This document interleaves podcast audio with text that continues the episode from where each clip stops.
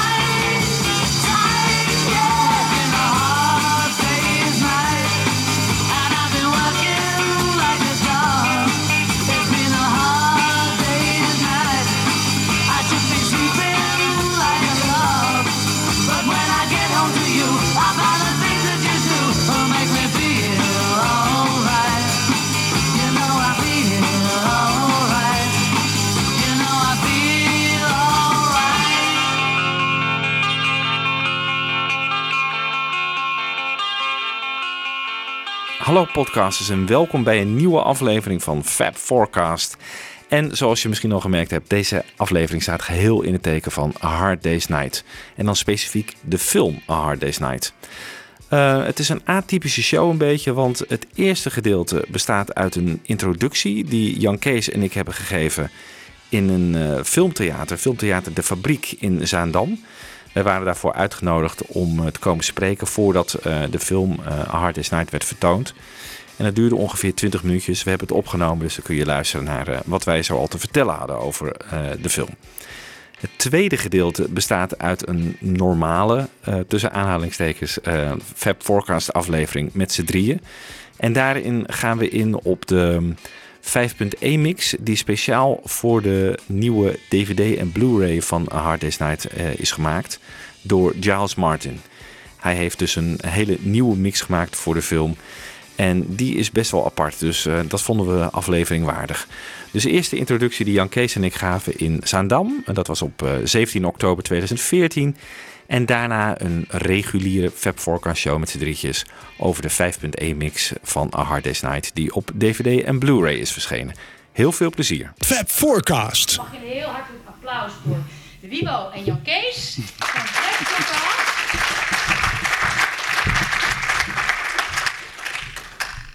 Nou, welkom allemaal eh, bij deze vertoning van eh A Hard Day's Night. De film eh 50 jaar geleden gemaakt, eh 1964, de allereerste Beatle-film.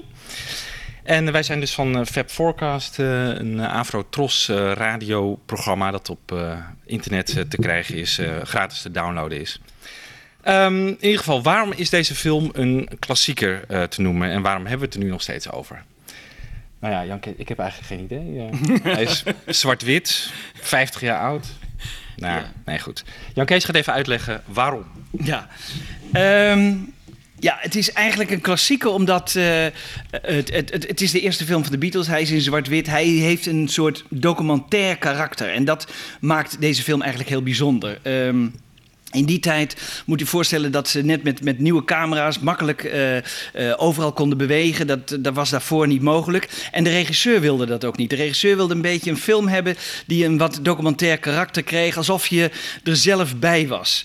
Uh, u ziet ook straks in de treinopname, dan beweegt alles een beetje. En dat hebben, hebben ze extra gedaan om, om dat karakter erin te krijgen. En een paar maanden daarvoor waren de Beatles net in Amerika geweest. En daar waren de Maisels Brothers. En die hebben een film gemaakt over de Beatles. En die lijkt een beetje op A Hard Day's Night. Dan volgen ze ook de jongens helemaal vanaf het vliegveld naar het hotel en in de hotelkamer. Nou, eigenlijk is deze film, uh, is deze film ook zo. Uh, het is dus een, een film die, uh, uh, in tegenstelling tot Help, die ze een jaar daarna hebben gemaakt, dat was een, echt, een, echt een speelfilm in kleur en dat was in studio's gemaakt en niks. Maar deze is echt overal op locatie gemaakt. Dat is ook, maakt het ook heel bijzonder. En ehm, het feit dat het zwart-wit is natuurlijk, maar dat was eigenlijk uh, niet een, een, opzet, maar meer een kostenberekening. Uh, United Artists had er helemaal niet zoveel geld voor over. Maar ehm, dat was eigenlijk de reden dat ze, ehm, dat ze hem in zwart-wit hebben gemaakt. Maar daardoor lijkt hij ook heel erg uh, alsof het echt is. Alsof het allemaal. Kijk, er komen natuurlijk speelfilmfragmenten in voor. Uh, achtige fragmenten in voor. Als een, een opa van Paul McCartney. die een beetje een karikatuur is. En dat soort dingen. Maar je ziet ze ook echt spelen in de, in de tv-studio. Je ziet ze echt spelen in een theater. je ziet ze echt ehm, rennen voor hun leven voor de fans. Dus dat soort dingen klopt eigenlijk allemaal wel, wel redelijk. Um, het was ook het, het begin van de 60s natuurlijk, het, het, omslagpunt 1964, wordt ook wel genoemd in Nederland. Hè. Uh, de Beatles komen dan een paar maanden later hier uh, naar Nederland, uh, in Amsterdam en in Blokker. En dat wordt ook als een soort omslagpunt gezien van nieuwe muziek, nieuw elan, nieuwe jongens, alles nieuw, lang haar. Het, het, verandert heel veel. En ehm, deze film luidt eigenlijk ook zo'n hele periode in. En dat werd zelfs in die tijd al erkend ook door filmcritici, die zeiden van ja, dit is eigenlijk de nieuwe Citizen Kane. Dat is misschien wel iets te veel eer, maar het, het, is wel een, een, een, een, belangrijke omslagpunt in, de, in die hele uh, filmgeschiedenis. Want uh, de films die daarna zijn gekomen, die ook over popgroepen, hebben heel veel te danken aan Dick Lester, deze regisseur, die hiermee eigenlijk kwam. Hiervoor hadden we eigenlijk alleen maar zoetsappige, wat zoetsappige films van Elvis Presley en van Cliff Richard. En die eh, waren een beetje in, in, in, in, uh, in, in die suikerkleuren, uh, in, die, in die een beetje overdreven kleuren. En de filmverhaaltjes waren heel mager. Maar hier kwam een beetje de, de ruwe, de rauwe werkelijkheid naar voren. En dat was iets nieuws, dat kenden we niet. En nou ja, vandaar dat, het, dat we wel kunnen zeggen dat we hier eigenlijk spreken van een soort breekpunt in de geschiedenis van de muziekfilm. En vandaar dat het ook ja, eigenlijk een klassieker is. Uh, ik wil nog even kort iets over de stijl zeggen. Want deze film combineert een hele hoop verschillende stijlen. Uh, waaronder, um, ja, er wordt gefleerd met uh, absurdistische humor. Um, een beetje de humor van The Goons. Ik weet niet of jullie dat wat zegt, maar dat is een radioserie eind jaren 50 met onder andere Peter Sellers en Spike Milligan. En waarvan overigens de regisseur van deze film veel mee heeft gewerkt. Dus dat was voor de Beatles ook wel reden om ja te zeggen tegen deze regisseur.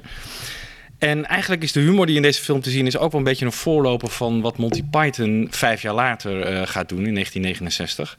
Die absurdistische humor, daar zijn zij natuurlijk heel erg bekend om. En ze hebben wel toegegeven dat ze heel erg geïnspireerd zijn door de Beatles. Um, en eh, de film heeft ook, Jan Kees heeft al een beetje aangegeven, een heel erg documentair karakter. En dat is echt iets van die tijd, um, de Nouvelle Vague. Dat is een um, Franse filmstroming die een beetje het middel laat tussen of iets nou feit of fictie is. Dus de, de scheidslijn tussen die twee dingen wordt een beetje vaag. Nou ja, dat, komt doordat deze film wel heel erg gescript is, maar het lijkt alsof het een documentaire is.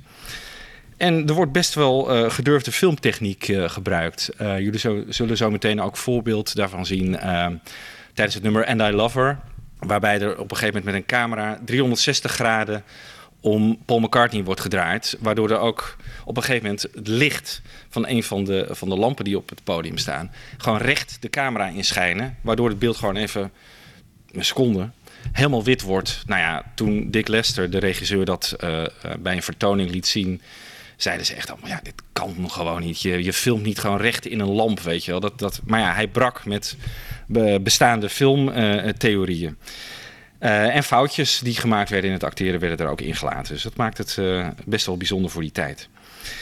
Nou, even terug naar ehm, hoe het eigenlijk begon. Eind 1963 eh, had je United Artists, een filmmaatschappij in, ehm, in Amerika. Die eh, dachten van, nou die Beatles, dat gaat wel lekker daar in, eh, in Engeland.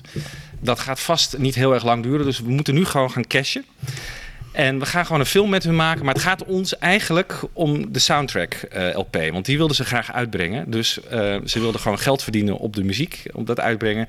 En de film was eigenlijk een soort vehikel daarvan. Dus het moest gewoon snel, goedkoop, in zwart-wit. Het was ook een budgetkeuze. Dus lekker, veel goedkoper dan kleur natuurlijk. En hij moet voor de zomer eh, af zijn. En het budget was voor die tijd ja, de 200.000 pond. Nu omgerekend heb ik even gekeken, was dat zo'n 4,6 miljoen euro. Nou ja, dat is, volgens mij kun je daar tegenwoordig ook nog wel best een leuke film van maken. Ehm, United Artists vraagt een producer, Walter Shenson, een Amerikaan, om eh, naar Engeland te gaan. En hij komt dan op de proppen met eh, ook een Amerikaanse regisseur die veel in Engeland werkt. Zijn naam is al even genoemd, Richard Lester, of Dick Lester ook wel. En zij vragen eh, een scriptschrijver. Een, eh, Alan Owen heet hij. En hij komt uit Liverpool en heeft dezelfde soort humor als de Beatles. Dus die is eigenlijk geknipt om dat script te schrijven. United Artists zegt, die vinden het allemaal prima. Die zegt, eh, jullie doen maar lekker wat jullie willen. Wij willen gewoon het geld van die soundtrack LP. En dus krijgen ze echt carte blanche om die film te maken. En om toch een beetje een goed script te maken, gaat die Alan Owen, eh, die scriptschrijver, dus met de Beatles mee op tournee door Wales en Noord-Ierland. Om eens te kijken hoe dat is eigenlijk om een Beatle te zijn. En hij merkt heel erg dat zij gevangenen van hun eigen succes eh, zijn. Ze zitten constant eh, in een auto, hotelkamer, podium. Ze hebben eigenlijk nooit, ze hebben helemaal geen vrijheid. Ehm, ja, dat is meteen het thema van de film voor hem eh, meegeboren. Hij wil dat in beeld brengen. Een dag uit het leven van de Beatles. En je merkt die claustrofobie ook een beetje doordat er in een trein wordt gefilmd met lage plafonds. Dus dat eigenlijk allemaal ja, de vrijheid ontbreekt. Je voelt, ze voelden zich een beetje opgesloten. En wat ik al zei, hoe spontaan het eindresultaat misschien ook lijkt. Het is gewoon allemaal gescript. Alle dialogen zijn uitgeschreven door Alan Owen. En het moesten allemaal korte one-liners eh, zijn. Eh, de Beatles waren natuurlijk geen acteurs. Dus eh, ze dachten van nou, we gaan gewoon korte zinnetjes, die, ze kunnen, die kunnen ze instuderen. Soms ook nog wel werden ze gewoon tijdens het filmen door de regisseur gezegd. Zodat de Beatles ze konden nazeggen. En eh, ja, zo slecht waren ze met eh, acteren waarschijnlijk. En toen zij de Beatles voor het eerst ontmoetten, eh, viel hun op dat ze, ze eigenlijk heel erg veel op elkaar leken. Ja, we kunnen ons dat tegenwoordig misschien niet meer voorstellen. Je hebt gewoon John, Paul, George en Ringo. Maar toen leek, ja, allemaal langharig tuig eigenlijk, leek dat op elkaar. Dus ze hebben gewoon ehm, geprobeerd om artificieel eigenlijk vier verschillende personages neer te zetten. En dat hebben ze natuurlijk wel op basis van de personages van de Beatles gedaan, maar ze hebben het allemaal uitvergroot. Dus je hebt John Lennon, de, ja, de cynicus eigenlijk. Eh, je hebt Paul McCartney, eh, de knappe, eh, een aardige Beatle. George, die een beetje, ja, de stille, een beetje de gemene af en toe Beatle. En Ringo een beetje het, eh, het zulletje, waar iedereen eh, eigenlijk bevriend mee is en eh, waar iedereen om kan lachen. Jan Kees gaat iets vertellen over het filmen van de film. Eh, het, film het was eigenlijk een, een, een, een film die heel snel is opgenomen. Het mocht niks kosten, zoals uh, al zei. En het is in zes weken opgenomen. In maart en april eh, 1964. En ehm, het voordeel van filmen in maart en april was, eh, lazen wij, dat ehm, eh, de echt hele goede technici, die hadden dan nog niks te doen. De, de, de Engelse en Amerikaanse films werden voornamelijk in de zomer opgenomen. En dat was een drukke tijd. Maar in die, in die, in die vroege lente hadden de echte, de goede technici weinig werk. Dus ze konden gebruik maken van de e- echte, een van de allerbeste cameramensen. De hele goede geluidsmensen. eh, de goede lichtmensen. Dus met al met al eh, leverde dat daarom ook een, een kwalitatief, een, eigenlijk een heel, eh, voor die tijd een heel goede film op. Ehm, ze wilden graag filmen in de, in de trein, maar kregen daar geen toestemming voor van de spoorwegen. En hebben ze heel lang moeten onderhandelen met de Engelse spoorwegen om die trein, want ze wilden filmen in een echte trein. Normaal eh, werd gefilmd in de studio in een trein en dan werd er een projectie achter het raam gezet van een voorbijgaand landschap. Maar dat wilden ze niet. Ze wilden het zo echt mogelijk, dus echt in een trein. Ehm, de, de spoorwegen leefden met de angst dat er misschien jongelui eh, die trein tegen zouden houden of dat ze voor de trein zouden springen. En eh, het heeft heel lang geduurd voordat ze daar toestemming voor kregen. Ehm, uiteindelijk is dat gelukt. En als ze dan ook draaiden in zo'n trein, dan moesten de Beatles op een heel klein stationnetje ergens op het platteland wachten en daar in de trein stappen om zomaar die, al die fans eh, te omzeilen. Want eh, als zo'n trein vertrok, dan werd die gewoon helemaal door fans eh, omzoomd en die probeerden op alle mogelijke manieren in die trein te komen. Ehm, ja, en dan eh, werd er ook gefilmd in een groot eh, theater. Eh, dat was een gewone hal, maar dat werd omgetoverd tot... Dat deden ze dus niet echt, maar dat was een, een televisiestudio werd daarvan gemaakt. En ehm, dat was het Scala Theater in, in Londen. En dat werd al snel heel erg bekend. Heel Londen en daarbuiten wist dat daar de, de videoopnamen van de Beatles plaatsvonden. En een van de bezoekers daar was onverwachts de vader van John Lennon. En die had hij al in twintig jaar niet gezien. En eh, John wilde hem eerst niet zien, maar uiteindelijk is daar de hereniging heeft eh, plaatsgevonden. De vader van eh, John Lennon, Freddie Lennon, die later overigens nog bij Willem Duis te gast is geweest. Zijn, die vriendschap tussen Lennon en zijn vader heeft niet lang geduurd, want hij wilde voortdurend geld hebben van, van John. Ook een van de mensen die in het publiek zaten was Phil Collins. En ehm, ja, Phil Collins was toen net een jonge student en werd ook ingehuurd. Al publiek was ingehuurd. Het waren allemaal studenten van, eh, van de Kleinkunstacademie in, eh, in Londen. En eh, nou ja, iedereen rond die leeftijd was wel fan, maar Phil Collins heeft zich niet heel erg uitbundig gedragen. Hij denkt dat hij daarom uit de film geknipt is. Maar ik denk ook dat het gewoon zuiver toeval is dat hij niet in de film te zien is, want niet al het publiek is daar natuurlijk te zien. Een andere be- beroemde ontmoeting vond plaats tussen George Harrison en Patty Boyd. En Patty Boyd speelt een klein, heel klein rolletje. Ze mag slechts één woord zeggen, dat is Prisoners.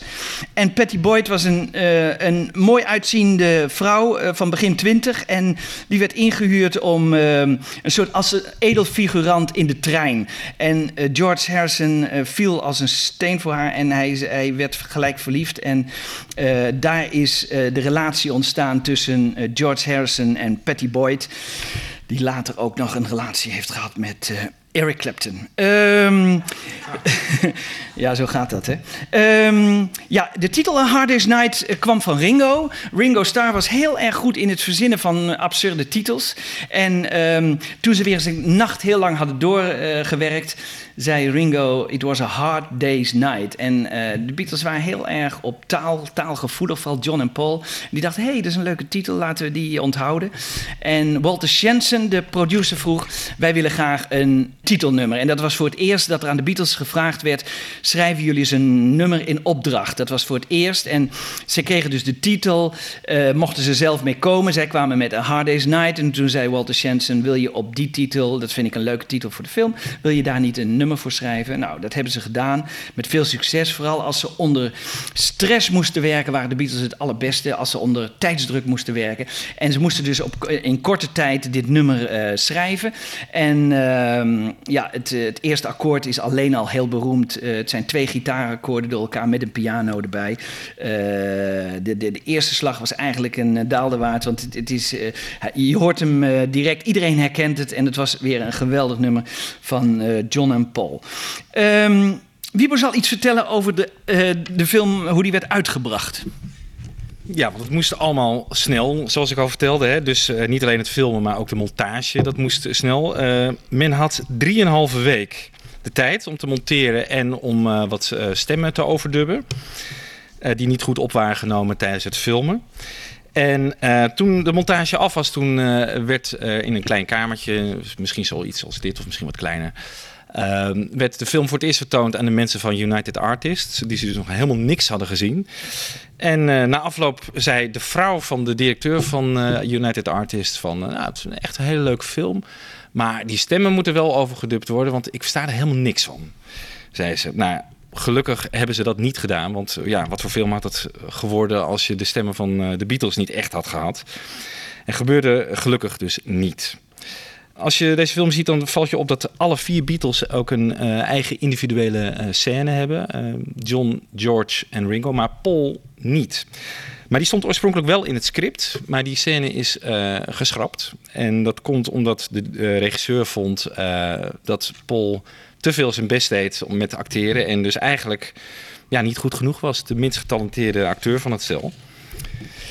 Ja, jammer voor Paul. Maar goed, wereldwijd wordt het wel een enorm succes. Er worden ehm 15.000 kopieën eh, van de film gedistribueerd wereldwijd. Eh, wat een record is voor die tijd, heeft Jan Kees mij verteld. Eh, de film wordt, wat, zoals ik zei, een groot succes. En iedereen gewoon die de film zag, die wilde de Beatles zijn. Het was eigenlijk de eerste kennismaking met de Beatles, behalve hun muziek. Je zag ze nu voor het eerst op een groot scherm. Je zag die personages, die vier personages. En eh, het is onder andere een, eh, de reden geweest voor ehm The Birds om te beginnen als bandje. Toen ze George Harrison op die twaalfsnarige gitaar, die je zo meteen ook zult zien, zagen spelen, dachten ze van, dat is wat wij moeten gaan doen. En nou, die hebben natuurlijk, eh, zijn later ook nog een inspiratie voor de Beatles geworden, dus dan was het cirkeltje mooi eh, rond. En een jaar later gaan eh, Richard Lester en de Beatles alsnog een keer samenwerken. Dan maken ze de film Help, zoals Jan, Kees al net zei. Maar daar is meer budget voor. Die is in kleur. Staat iets minder hoog aangeschreven. Ik zelf vind het ook een hele leuke film, maar het is totaal anders. Nog meer absurdistische humor. Dus als je daarvan houdt, dan zou ik die ook zeker een keer gaan kijken. Eh, deze film is natuurlijk 50 jaar geleden eh, gemaakt. Inmiddels, de versie die we vanavond gaan kijken, is gerestaureerd. Niet alleen in beeld, maar ook in geluid. En daar gaat Jan Kees weer wat over vertellen. Ja, tot slot eh, heel, heel klein even- eventjes over de restauratie. Ehm, ze hebben het originele negatief teruggevonden. Dat was al heel bijzonder. Alleen een, film bestond in die, tijden uit verschillende actes. Die waren ongeveer 12. Iets van eh 10 minuten, eh 12 minuten per stuk of zo. En eh, de eerste hebben ze niet teruggevonden en de laatste ook niet. Daarvan alleen een latere kopie. Maar de rest hebben ze het originele negatief teruggevonden. En die hebben ze weer in, op video overgezet. En ze hebben beeldje voor beeldje, elk beeldje hebben ze apart bekeken. Er zijn tien mensen een maand lang bezig geweest om elk beeldje, en het zijn er 24 per seconde, eh, te bekijken en eh, te photoshoppen. Als er een stofje op zat of een kabeltje of het was iets niet mooi, dan eh, hebben ze dat weer helemaal gerestaureerd. Ze hebben het helemaal weer opnieuw kleur gecorrigeerd. het zwart-wit weer helemaal teruggebracht zoals het zijn moest. Dus dat is al heel bijzonder. Dus die mensen hebben er allemaal aan gewerkt. En Giles Martin, de zoon van George Martin, de producer van de Beatles, die eh, nu stokdoof is en niks eigenlijk meer kan. Maar de zoon van George, die eh, is midden 40 en die, die bewaakt eigenlijk een beetje de, de nalatenschap van de Beatles. En die heeft de hele soundtrack opnieuw geremasterd. En dat betekent dat eh, hij kon niet veel doen aan, de muziek, aan de effecten en de geluidstrek waar, waar je de Beatles hoort praten. Dat was een beetje mono-achtig, transistor-achtig geluid. Je zult het ook horen, dat is niet heel goed. Ehm, en om dan niet het verschil te groot te maken tussen de muziek, want af en toe horen we natuurlijk die Beatles-muziek en die hebben ze op prachtig digitaal overal eh, staan in, in Abbey Road. Dat kunnen ze eh, schitterend, eh, zouden ze dat hieronder kunnen zetten, maar dat heeft hij niet gedaan. Want hij zegt, ik wil niet het verschil heel erg groot maken tussen eh, het wat magere geluid van de film en het prachtige eh, geluid van de, van de muziek. Dus hij heeft noodgedwongen die muziek een beetje moeten knijpen, een beetje moeten eh, terugbrengen naar het geluid van de jaren 60, 64. eh, eh, eh, u, u zult niet geloven, maar als u die film eh 50 jaar geleden zou hebben gezien, dan zou die totaal anders wel hebben geklonken. Eh, ze kunnen natuurlijk ook eh, aan al het geluid kunnen ze wel iets doen. En daarom klinkt het natuurlijk al prachtig, maar het zou nog veel mooier hebben gekund. Eh, hij heeft een 5.1 mix gemaakt. En als u daar van alles over wil weten, eh, luistert u eh, over vier weken naar onze podcast. En, dan- laten we echt de verschillen horen tussen toen en nu. En wat hij eraan heeft gedaan en hoe hij het heeft gedaan. Dat eh, gaat nu te ver om dat helemaal te vertellen. Maar wel leuk is om even te vermelden dat hij een paar geluiden er weer bij heeft gemaakt. De film moest destijds heel snel gemaakt worden. En ehm, wat hebben ze gedaan? Bijvoorbeeld aan het begin, als die, die teenagers, zoals ze toen genoemd werden, die fans allemaal achter die Beatles aanrennen, daar heeft hij weer geluid van die teenagers bijgebracht. Daar had Dick Lester destijds geen tijd voor om dat, al die geluidjes eronder te zetten. Ze hebben deuren weer eh, laten kraken, weer deuren dicht laten gaan die er niet in zaten. Eh, ze hebben eh, voetstapjes weer erin gebracht die er niet in zaten. Allemaal vanwege tijdgebrek kon dat destijds niet. En dat hebben ze nu wel gedaan. Als je een meisje John ziet schreeuwen of een meisje George ziet schreeuwen, dan heeft hij dat weer opnieuw erin gebracht. Dat, dat is natuurlijk twijfelachtig. Mag je dat doen?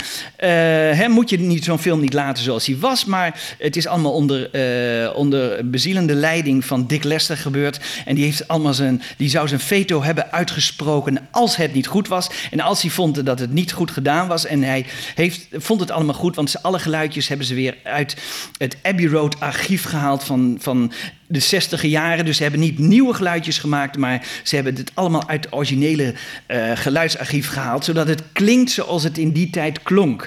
En eh, ze hebben dus erg veel moeite, ze hebben daar maanden aan gewerkt. En eh, dat is natuurlijk wel leuk om, dat moet je natuurlijk allemaal maar weten, maar het is wel leuk. En Wiebo kan misschien nog over één geluidje, waar wij natuurlijk wel heel erg benieuwd naar waren. Misschien kan Wibo daar nog iets over vertellen tot slot over de Train Song. Nou, heel kort. eh, dat A Hard Day's Night de gemoeder nog een beetje bezighoudt. In Beatleland dan, in ons land. Eh, het, op een gegeven moment is er een scène dat Ringo in de trein eh, zit. Zit met vier in de trein. Ringo zet een transistorradiootje aan. En daar komt muziek uit. Dat is beatmuziek. En er is heel lang gedacht, ah, wat is dat voor muziek? En is bij de restauratie van die film zijn er banden ontdekt... waarbij een volledige versie van dat muziekje op staat. En heel lang dacht de Beatle-kennis, dit zijn de Beatles. Ik heb het zelf nooit geloofd. Jan Kees geloof ik wel een tijdje. nou goed. Eh, en er was gewoon helemaal niks over bekend. Eh, inmiddels heeft zich een sessiedrummer gemeld. Die zegt: Ik drum op die, ehm, op die opname. Dus het zijn de Beatles niet. En de gitaar wordt gespeeld, zegt hij, door Jimmy Page. En die kennen jullie misschien wel als eh, de gitarist van Led Zeppelin. Die toen sessiemuzikant was in die tijd. Goed. Eh, nou, dat was het. Ehm, ik hoop dat jullie heel veel plezier hebben bij deze film. A Hard Day's Night. Dankjewel.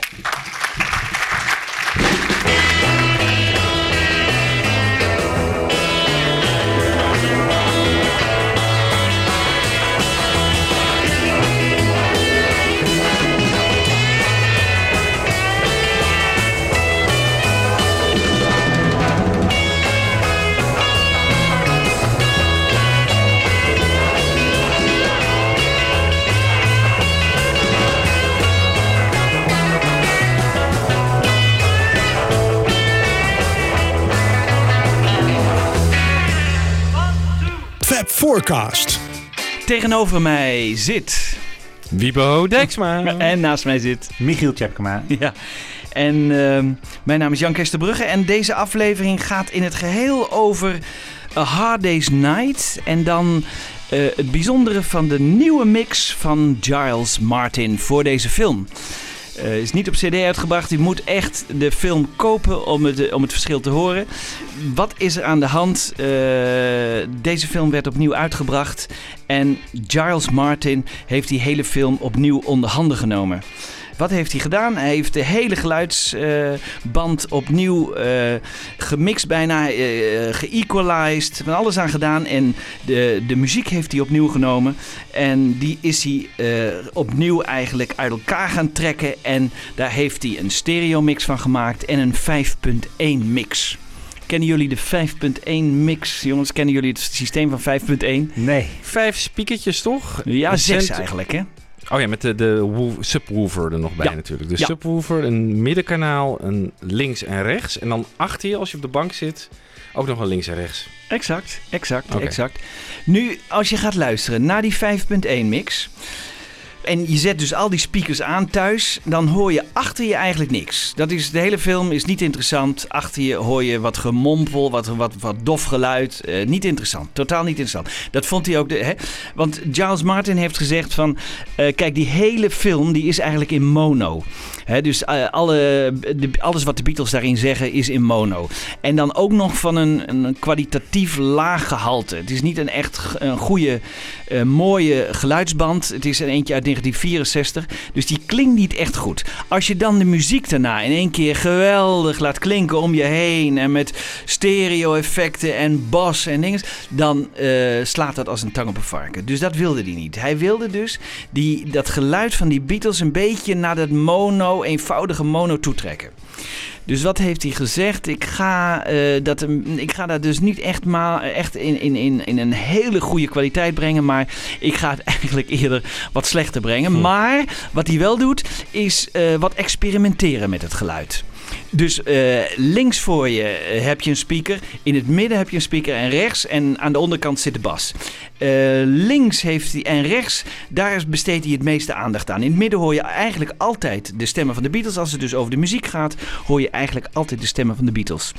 En links en rechts hoor je soms eh, meer een mono-achtig geluid, maar soms hoor je ook een stereo-achtig geluid. En dan hoor je wel eens de gitaren links en de rechts de drums en eh, links de maracas en, en, en, en eh, rechts een, een, een, een solo. Dus hij, of een mondharmonica. Dus hij heeft, af en toe heeft hij heel veel moeite gedaan, maar af en toe heeft hij het ook niet gedaan. Nou, eh, ik wil er eigenlijk even een voorbeeldje van geven. We hebben ehm, de beroemde medley. Eh, Tell Me Why, If I Fell en I Should Have Known Better. Dat zijn dus drie nummers. Ehm, daarvan eh, heeft hij gewoon de mono-versie genomen. En die heeft hij weer uit elkaar getrokken door een systeem dat heet Cedar Retouch. En die heeft hij ook gebruikt bij ehm, eh, de, de rockband mixen. Dat is een mogelijkheid om dat geluid helemaal uit elkaar te trekken. Eh, dus je, je neemt de monoband en daaruit haal je de stemmen. Je haalt de, de, de bas haal je eruit. Je haalt de, de, de, de gitaren van George en John. En de drums haal je eruit. En die breng je opnieuw in een soort eh stereo mix bijeen. Nou. Kan je die echt helemaal los krijgen? Je kunt ze zo goed als loskrijgen. Ik had- zal er straks een, een, een leuk voorbeeldje van geven, maar je kunt er redelijk goed Ja. kun je ze los, eh, kun je ze. Toverij, joh, dat, eh, Ja. dat dat kan. Ja, hij wordt wel een beetje geholpen ook omdat ze in die tijd al four-track hadden. En, maar toch, wat, wat Charles Martin ook zegt, zijn vader nam eigenlijk heel simpel op, nog een beetje zoals in de, in de oude two-track tijd. Links eerst op spoor 1 eh, de, de vocals, spoor 2 eigenlijk de instrumenten allemaal. En dan op spoor 3 eh, een extra stem of een extra mondharmonica. En, en eventueel spoor 4 werd niet eens altijd vaak gebruikt, zegt hij. Dus ik, ik had er niet zo heel veel aan. Eh, nog een extra geluidje. Dus eh, George gebruikte hem eigenlijk niet heel erg goed, die four-track. Ze moesten er nog een beetje aan wennen eigenlijk in die begintijd. Ehm, nou, eh, wat we nu gaan horen zijn, eh, zijn die, is, die, is die medley van drie nummers. Overigens moet ik er even bij zeggen dat eh, geen enkel nummer in de, hele, ehm, in de hele film klinkt op de goede snelheid. Nee. Dat, eh, Eh, ze klinken soms te snel, soms te langzaam. Eh, over het algemeen vaker te langzaam. En dat komt weer, maar dat heeft een technische reden. Ze, ze, draaiden ook in de, in de studio, hè, in het Scala Theater. En daarbij moesten ze eh, monitoren filmen. En als je een monitor filmt met een videocamera, dan krijg je al vlug een soort zwarte balk eroverheen. Om dat te voorkomen, moet je op 25 beelden draaien. En normaal draait een, een filmcamera voor de bioscoop op 24 beelden. Dus ze moesten op 25 beelden draaien. Maar de Beatles die hoorden hun eigen muziek op normale snelheid. Als je dat dan later op 24 beelden in de bioscoop gaat afdraaien of eh, voor video. Dan, eh, dan gaat het in één keer langzamer. 4% langzamer. Een semitoon langzamer. Dus dat, dat is nogal wat. Maar ook andere nummers die eh, niet in dit Scala Theater zijn opgenomen. Eh, zijn soms te snel, soms te langzaam. Ik denk dat dat ook te maken heeft met de regisseur kreeg een band, een monoband van George Martin. Dat moest weer gedraaid worden. Dat werd weer opgenomen op een andere band. Dat ging weer in de montage. Eh, in de montage werd gemonteerd. Eh, dat werd weer afgemixt. Dat ging weer naar een andere band. En ondertussen rekte die band wel eens wat, draaide wel eens wat sneller, wat langzamer. Het liep allemaal nog niet zo synchroon in die tijd, allemaal zo goed zoals tegenwoordig, allemaal kwarts. Maar dat, dat, destijds was dat nog niet zo. Dus eh, dat zal een belangrijke reden zijn geweest dat niet alle nummers eh, op de goede snelheid klinken. Het maakt voor ons Beatle-kenners eh, wel een beetje een rare indruk af en toe dat je dingen te snel of te langzaam hoort. Ja. Maar ze hebben ook geprobeerd om het nu weer op de normale snelheid te krijgen, vertelde Giles Martin. Dat kan tegenwoordig. Hè? Je kunt met een. met, met de moderne techniek kun je iets wat, wat, wat, wat toch langzaam is gespeeld. Upspeeden eigenlijk zonder de snelheid te veranderen, maar wel de toon te verhogen. Maar dat klonk gewoon niet goed. Dat hebben ze niet gedaan. Dus ze hebben eigenlijk eh, veel gebruik gemaakt van de originele eh, snelheid. En ehm, Je had over Scala Theater. Ja. Ik, heb, ik mis even een beetje de context. alles in het Scala Theater was eh, zogenaamd de, de, de televisiestudio. Je ziet in de film dat Ja. de Beatles optreden in een televisiestudio. En dat was in het Scala Theater. Eh, die hadden ze omgebouwd tot televisiestudio. En daar zag je dus ook allerlei monitoren. En je zag eh cameramensen aan het werk. En als je dat een beetje goed in beeld wil brengen op een videocamera, die er ook weer bij stonden, eh, dat krijg je niet goed. Want dan moet je gewoon op een andere snelheid draaien. Dus dat heeft met techniek te maken. Eh, om eh, om eh, interferentie tegen te gaan, om, om, de, om de zwarte balken. eh, ik zal, dat, eh, ik zal je niet vermoeien met de techniek, maar eh, je moet dan in één keer op 25 beelden draaien. Ja. En ze hebben alles op 25 beelden gedraaid, want niet alles eh, zie je ook op monitoren. Hè. Sommige beelden worden gewoon heel, worden, zie je helemaal niet dat het eh, gefilmd wordt, maar hebben ze toch op 5. Dus ze, ze hebben waarschijnlijk van tevoren besloten, alles wat we in het Scala Theater draaiden, dat is met dat publiek eh, dat daar zit. ehm, En nog Dat- even, En daarbuiten ook op eh, 25 in de trein en zo, dat soort dingen. eh, nee, dat is weer gewoon op 24. Ah, oké. Dat is gewoon weer op 24. Dus alleen de nummers in het Alleen de Scala- nummers in het Scala Theater en dat zijn zijn live 25. gespeelde nummers. Of, Eh, Nee, van, dat is allemaal, alles zogenaamd, maar Ja. het is allemaal playback. ja. Hè, dus eh, die, die, die montages van die, van die nummers en zo, want ze zijn soms wat korter. En, eh, Dus wat die- we eigenlijk horen zijn gewoon bewerking van de, de oude eh mono-versie van A Hard Day's Night. Ja, eigenlijk, ja, daar komt het op neer. Ze hebben dus van de oude monoversies hebben ze stereo gemaakt. Hè, voor nu. Ja, het is wat ingewikkeld misschien, maar nou, laten we maar eens even gaan luisteren wat hij er dan van die medley van heeft gemaakt.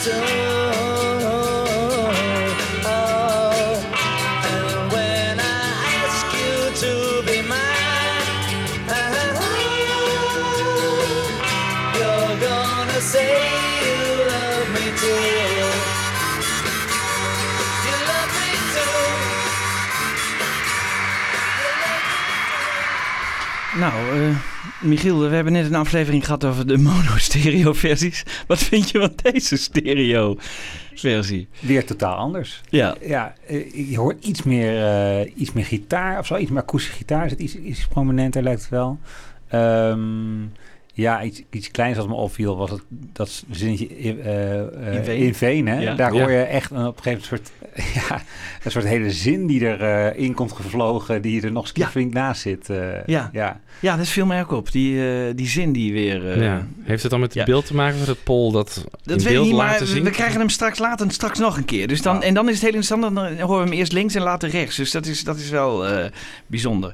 Wat ik dus heb gedaan is, je hebt dus drie speakers voor je. Eh, in het midden is, is, zijn de gewone vocalen. Die heb ik losgelaten, want dan heb je, hoor je alleen vocalen. Maar je hebt dus rechts instrumenten met vocaal en links in- instrumenten met vocaal. En die twee heb ik gewoon weer bij elkaar gebracht. En dan hoor je dus de- dit eigenlijk. Wat je dus in de bioscoop ook een beetje zou horen Ja. eigenlijk.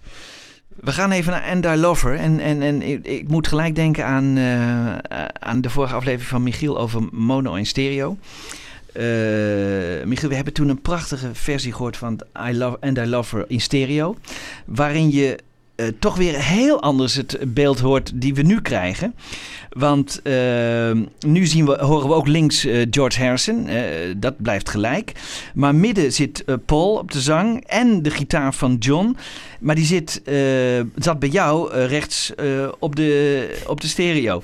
Ehm, rechts zit Ringo met die maracas. Even kijken. Ja, die zit nu rechts, maar die zat bij jou in het midden. Nou ja, fijn, Ah. goed. Het is weer, hè. Dus, eh, eh, dus ze weer hebben gewoon een hele mix. nieuwe, hele nieuwe mix gemaakt. En eh, nou ja, laten we maar even luisteren naar eh And I Love Her. Maar volgens mij zijn die maracas trouwens, is dat gewoon een soort woodblock. Ja, zo'n Zo'n- soort... Ah ja. Zo'n ding. Ja, maracas is echt zo'n shaker, eh, zo'n Oké. sambalbal eh, Oké. van André van Duin. Oké, hier komt André van Duin met And I Love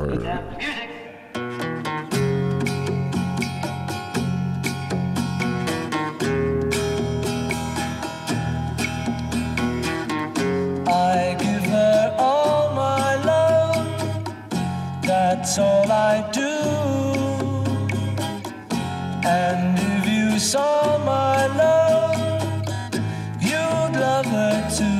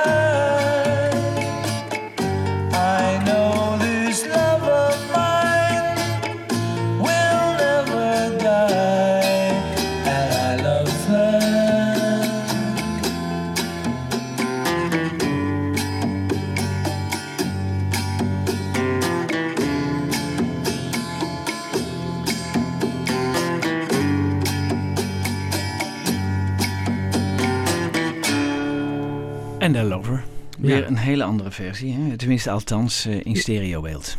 Nou, wat mij opviel in deze eh, in vergelijking met de vorige, ehm, was dat een single-tracked eh, vocal van Paul is. In de stereo-versie die we daarvoor hadden, was het gewoon gedouble-tracked. Dus het was een veel kaler stemgeluid. Ja. En je hoort inderdaad dat het langzamer is. Ja. Dus, dus Paul's stem is een beetje donkerder. Ja, het is een halve toon eh, naar beneden, hè? 4%, 4% langzamer. Ja. ja. Ik ja. vind die, het klinkt meer, de, de versie die we de vorige aflevering draaiden, klinkt meer open, wat meer transparant of zo. Wat meer, meer ruimtelijk gevoel krijg ik in dat Ja. nummer dan in deze versie. Dat, En- nou ja, dat kan ook zo zijn, omdat ze, ze, eh, ze mixen dus voor een bioscoop eigenlijk. Hè? Eh, daar mixen ze ook voor, hè? En, en voor, voor thuis ook. Maar dat je, ze proberen eh, bij een, bij een mix voor, eh, voor bioscoop of, of voor film gelden weer andere regels dan voor. eh, Ja. Ja, dat zei je ook al natuurlijk. muziek. Ze willen ook een beetje bij dat mono in de buurt blijven. Omdat Ja. de rest van de film zo mono is. Dus je kunt niet Ja. echt Nee. gewoon gaan frieken met het stereobeeld. Dus ze Nee. houden dat meer richting mono. Ja. Ja. dat Nou, ik vind het op zich wel een mooie mix hoor. Ja, op zich. eh, Ja, ik vond het heel interessant. Ja. Ja. Dan gaan we naar. eh dan heb ik er één uitgenomen. Dus dan heb ik eh, het, ik geloof het rechterkanaal genomen. Bij I Should Have Known Better. En dan hoor je dus alleen de zang en de drums. Dus dan hoor je eens wat, wat één kanaal doet. Ehm, nou ja, dat is ook wel weer interessant, omdat dat geeft ook weer een heel apart geluid aan zo'n, aan zo'n nummer. Dus I Should Have Known Better.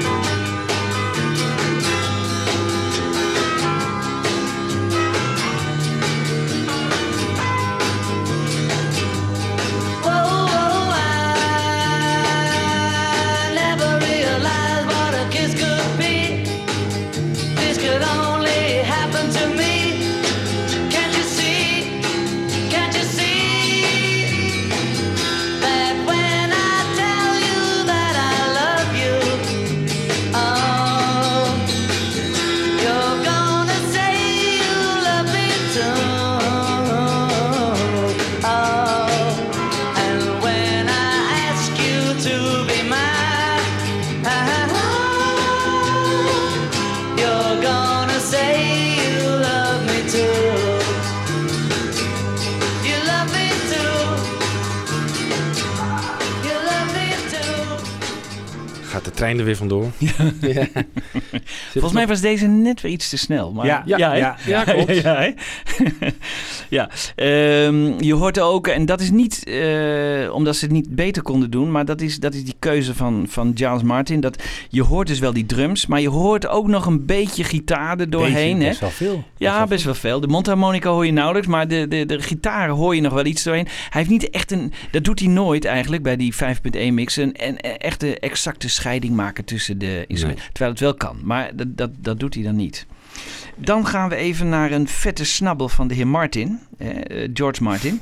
Want volgens mij moet dat wel geweest zijn, want hij heeft dus een, eh, eigen nummer gecomponeerd. Althans, Ringo Theme, dat is wel van Lennon en McCartney. Maar hij heeft dat toch op, eh, op orkest gezet. En terwijl, Ringo, terwijl we Ringo zien lopen door Londen, wordt dat nummer gedraaid. En het leuke hierbij is dat George Martin vertelde dat hij de originele banden had teruggevonden van zijn vader. En dat was een, een drie-track tape, dus eh, drie sporen uit de CTS-studio's. Martin heeft dus niet opgenomen in Abbey Road, maar heeft in een andere studio dat hele orkest opgenomen. En ehm, hij heeft het opnieuw gemixt. En eh, dat doet hij wel eh, met verven, moet ik zeggen. Eh, het leuke is, eh, je hoort dus echt een goede eh stereo-scheiding bij Ringo Theme. Maar als Ringo gaat praten op straat dan wordt het in één keer weer mono. Dus ze hebben zich dus niet aangewaagd om die stemmen weer los te halen. En eh, opnieuw die, die stereo mix eronder te zetten. Want dat werd denk ik te ingewikkeld. Want je moet voorstellen, dit is al een hele ingewikkelde affaire... om die, om die band helemaal gelijk te krijgen met het origineel. En eh, af en toe komt Ringo dus even terug. Hè. Dan, dan spreekt hij een meisje aan op, op straat... of hij spreekt een jongetje aan in, eh, bij, bij de rivier. En op die momenten hoor je het geluid weer in mono... maar daarna gaat het weer in stereo... in stereo door. Dus eh, ik ben wel benieuwd eh, wat jullie hiervan vinden. Eh, niet van de Beatles dus, maar wel van George Martin. Ringo's Theme. Here again.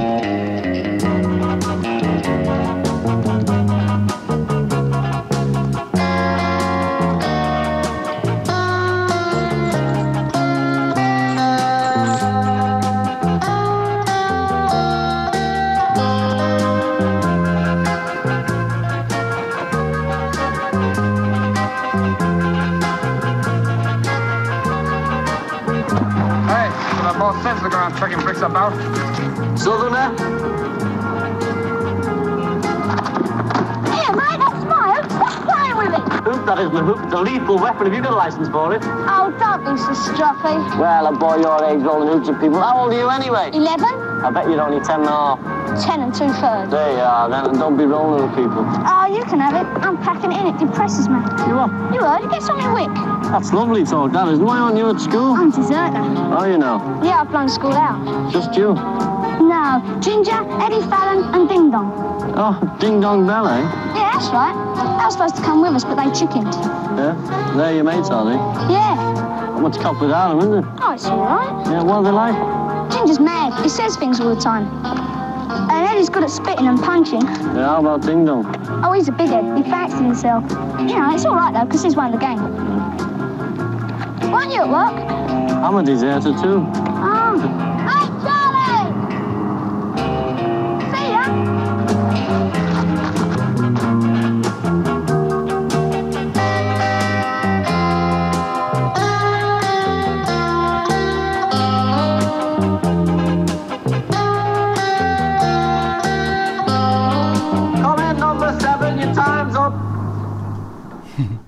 toen het begon dacht ik van, dit is echt veel te snel. Ja? Ja, het is ook wel versneld volgens mij, maar... eh, ja.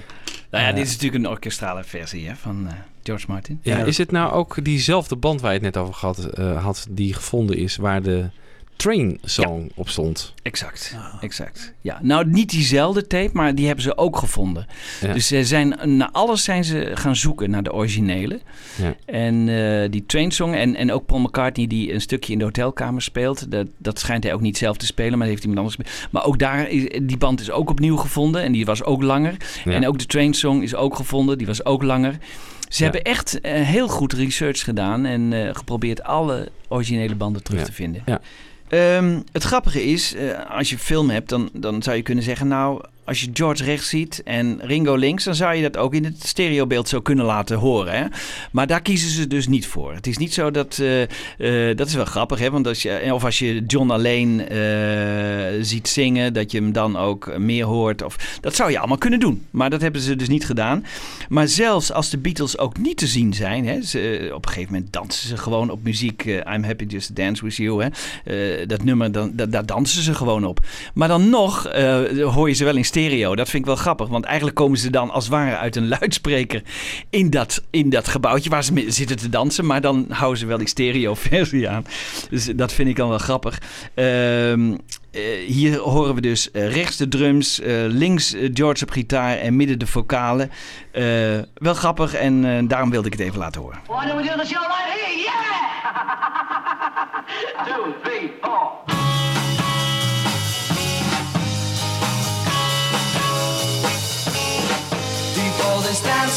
I think I love you too. I'm so happy when you dance with me. I don't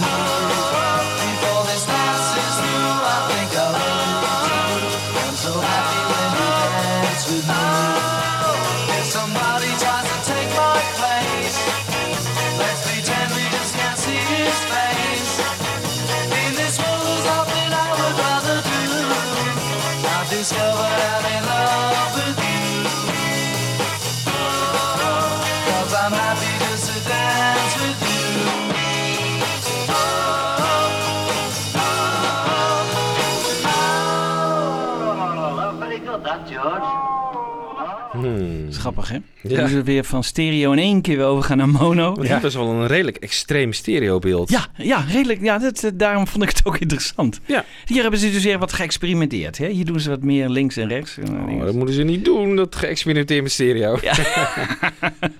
Weet wat er van komt. Ja. Ja. Ehm, ook interessant is, Can Buy Me Love eh, is een nummer wat eh Giles Martin dus ook uit elkaar heeft gehaald voor Rockband. Eh, we kennen Rockband en ehm, eh, dus daar heeft hij het gedaan, maar hij heeft het dus ook eh, opnieuw gemixt voor eh, Hardest Night. Ik wil even een stukje laten horen hoe hij dat heeft gedaan in Rockband en dan hoor je dus de gitaar van Lennon en de, alleen de drums van Ringo. Laten we even luisteren.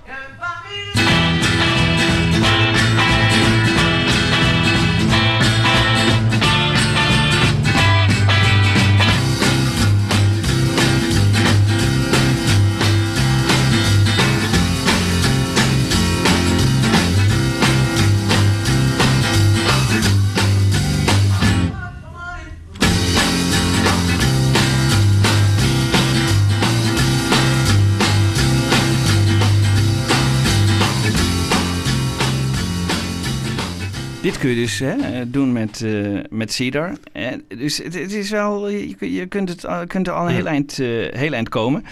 Ja, dus het voordeel natuurlijk dat de, de vocalen op één staan en de, de rest op, op, op spoor 2. Maar ze kunnen toch, hij kan er redelijk mee uit de voeten. En nu even horen hoe hij dat in Can Buy Me Love doet. Hè. Dan horen we dus ook links en rechts de sporen. Maar hij mixt er nu wel de, wat, de vocalen bij. Maar ehm, laten we eens even horen hoe hij dat heeft gedaan in,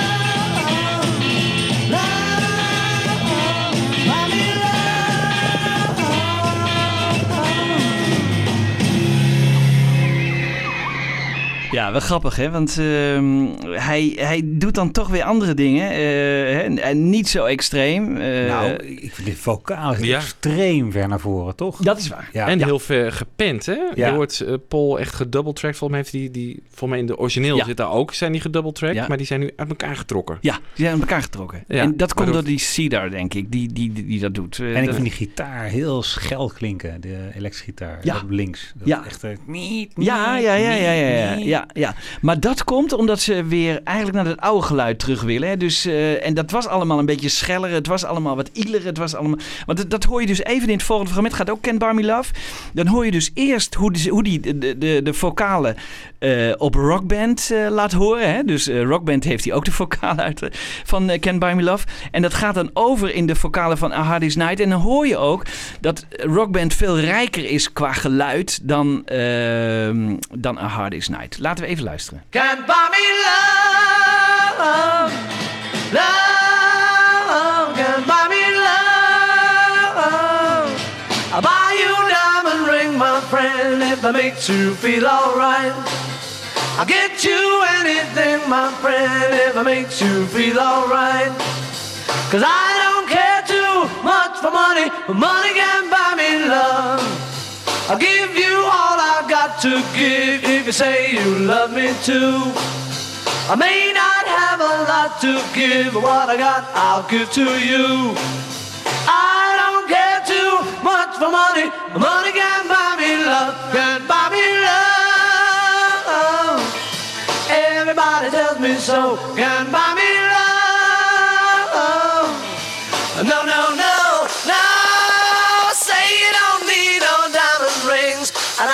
satisfied. Tell me that you want the kind of things the money just can't buy. I don't care too much for money. Money can buy me love. What is all this?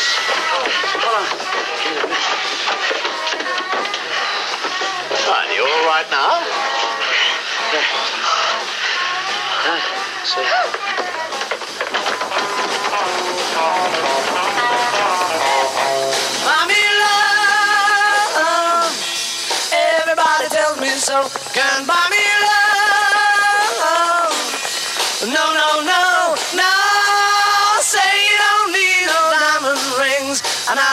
Satisfied. Tell me that you want the kind of things that you just can't buy. I don't care too much for money. Money can buy me love. Buy me love.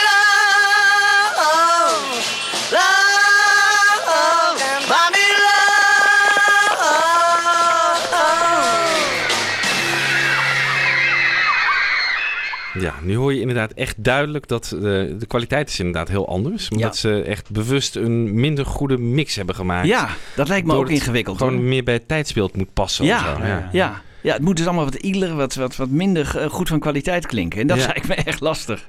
Hè? Ja, nou, ik begrijp het ook wel natuurlijk. Want van de, van de, de, de dialoogspoor is gewoon alleen nog maar één spoor waar ook de muziek onder gemixt is en zo. Er zijn geen losse dingen meer van. Nee. Dus dat kun je Nee. een klein beetje opknappen. Misschien met wat master en wat de EQ en zo. Ja. Maar dat blijft een beetje belabberd eigenlijk. En dan, Ja. ja. dan, ja, ik be- begrijp de redenering wel. Ik denk dat het wel... eh, Ja, ze hebben ook een paar dingen veranderd. Hè? Wat vinden jullie daar eigenlijk van? Want eh, ze hebben bijvoorbeeld, eh, je ziet een meisje George roepen of zo, of, of John. En, en dat hebben ze dus opnieuw in laten inspreken. Hè? Ja. En aan het begin, als de Beatles aankomen lopen en ze vallen daar, dan, dan, de- de- dan hoor je nu in één keer geluid erbij. Hè? Dus van, van, van eh, schreeuwende tieners. Ja. En dat zat in het origineel niet. Charles Martin heeft even over het eerste punt heeft inderdaad een, een aantal secretaressen of zo van de gang gehaald van kom even dit in, eh, dit in, eh, Ja. kom even schreeuwen. Eh, Ja. En, omdat het in de film helemaal niet te horen Nee. was. Ja. Wat vinden Ja. jullie daarvan? Nou ja. weet je, ik ben niet zo'n eh, purist. Ja. Nee, dat, dat kan wel prima. Ja, als het om dat soort dingetjes gaat, maakt het toch ook niet uit. Dan, Nee. verlevendigt de, de boel wel een beetje. Maar ja, goed. Er zijn een hoop Beatle-fans die waarschijnlijk daar veel moeite mee hebben. Nee, ja, maar Ja. ik vind het interessant Maar goed. van jullie Ja, eh, nee, ik vind het niet erg. Nee, nee. Als het dan bedoel mooier wordt, Ja. waarom niet? Ja, maar het Nou ja, origineel was in mono. De- jullie vinden wel dat je er wel stereo eh, van geluid van mag maken en zo. Ja, van, van, eh, van de muziek en zo, dat, eh, dat soort dingen. Ja, ik zou het echt gewoon in de bioscoop moeten zien dit. Want dan, eh, dan Ja. beleef je het ook echt. Hè? Dit, eh, dit is is, waar. ook echt een geluid om in een bioscoop te horen, Ja, ik aan. ja dus, zo is het Of- ook bedoeld. hè. Het is niet bedoeld om nu zo voor de radio te... Hè? Dus het is, Nee, het is maar- grappig natuurlijk, maar het is niet, zo is het niet gemixt natuurlijk. Nee. Dat geldt natuurlijk ook voor die rockband mixen natuurlijk. Ook dat, hè, dat moet je in het spel horen. Maar het is natuurlijk voor ons leuk om, om gewoon alleen die, die, die, die vocals te horen. Ja. We gaan even naar Eva Vel, want eh, jij Michiel hebt daar eh, in de mono stereo versie hele interessante dingen over gezegd. Hè? In Veen, dat, eh, dat, dat, dat stukje, waar dat dan misgaat. eh, hè? wa- Waar we toch een echt een heel groot verschil zien tussen de mono en de stereo versie. In stereo gaat het mis, hè? Ja. In Ja. stereo gaat het mis. ja. En zij hebben dus de mono-versie eh, gebruikt. En vooraf ging het gerucht: Charles Martin heeft de stemmen van Paul en John uit elkaar gehaald. Nou, dat moet op dit nummer slaan, want ik heb overal zitten luisteren. Waar zou dat op kunnen slaan? En ik denk dat hij hierbij eh, de, de, de, de stemmen van John en Paul uit elkaar heeft gehaald. Omdat je af en toe links de, de, de zang van John hoort. Iets meer naar rechts en in het midden.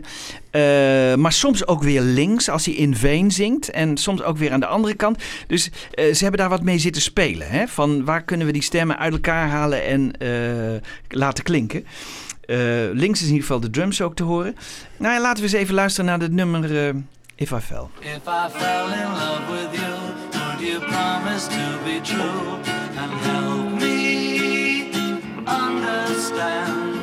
I've been in love before and I found that love was more than just holding hands.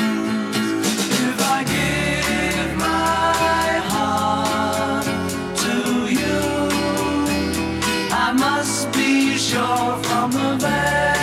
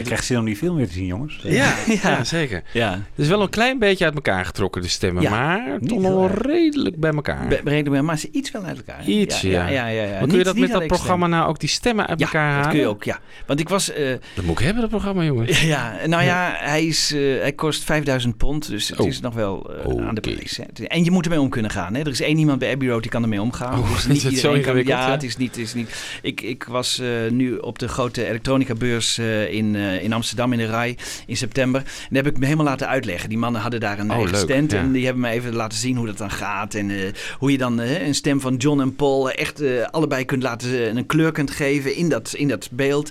En dat je ze helemaal kunt uitpoetsen en of kunt verplaatsen, et cetera. Dat is echt ongelooflijk wat ermee kan. Dat is echt geweldig. Want er is één tape en die is echt alleen in mono. Hè? En dat is She Loves You. Eh, want eh, het, het origineel of de stereoversie is ooit verdwenen of overgewist. Nou, de, of- de, de sporen zijn eh, verdwenen. Dus er is ook nooit een echte stereo-versie van gemaakt. Nee. Behalve in Amerika hebben ze dan, wat hebben we ooit Ja. wel eens, hè, dat ze dan met fake stereo werken. Oh ja, ja. Maar dat kunnen ze dus niet meer in stereo mixen, omdat de banden niet meer bestaan. Nee, maar tegenwoordig. Ja, ah, Cedar ja, Touch. Cedar Touch. Is heel veel mogelijk. En vooral als je dat een beetje goed kan. En als je dus even zoekt op, eh, op YouTube, dan vind je dus ook een versie van She Loves You. Een instrumentale, eh, alleen de ritmegitaar van, eh, van John. Dus uit die mono-versie gehaald. Nou, moet je even luisteren wat je, dan, wat je daarmee kan bereiken.